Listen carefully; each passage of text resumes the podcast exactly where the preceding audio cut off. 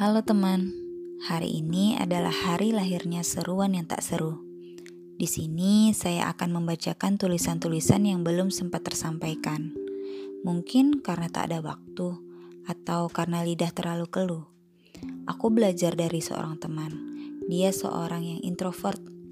Bukan kebiasaannya beramah tamah dengan orang lain, dan juga bukan kebiasaannya berteman dengan cara membicarakan banyak hal dengan lawan bicaranya seperti kosong ya.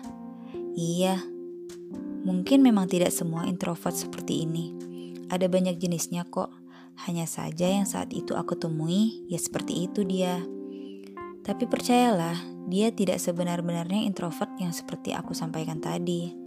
Dalam hatinya, ia menyimpan beribu kalimat yang ingin dia sampaikan pada dunia. Hanya saja, ia tak mampu. Bahkan barang berbicara pada semut pun, ia ingin menurutku. Tapi ia putuskan lebih baik dia menyimpannya sendiri.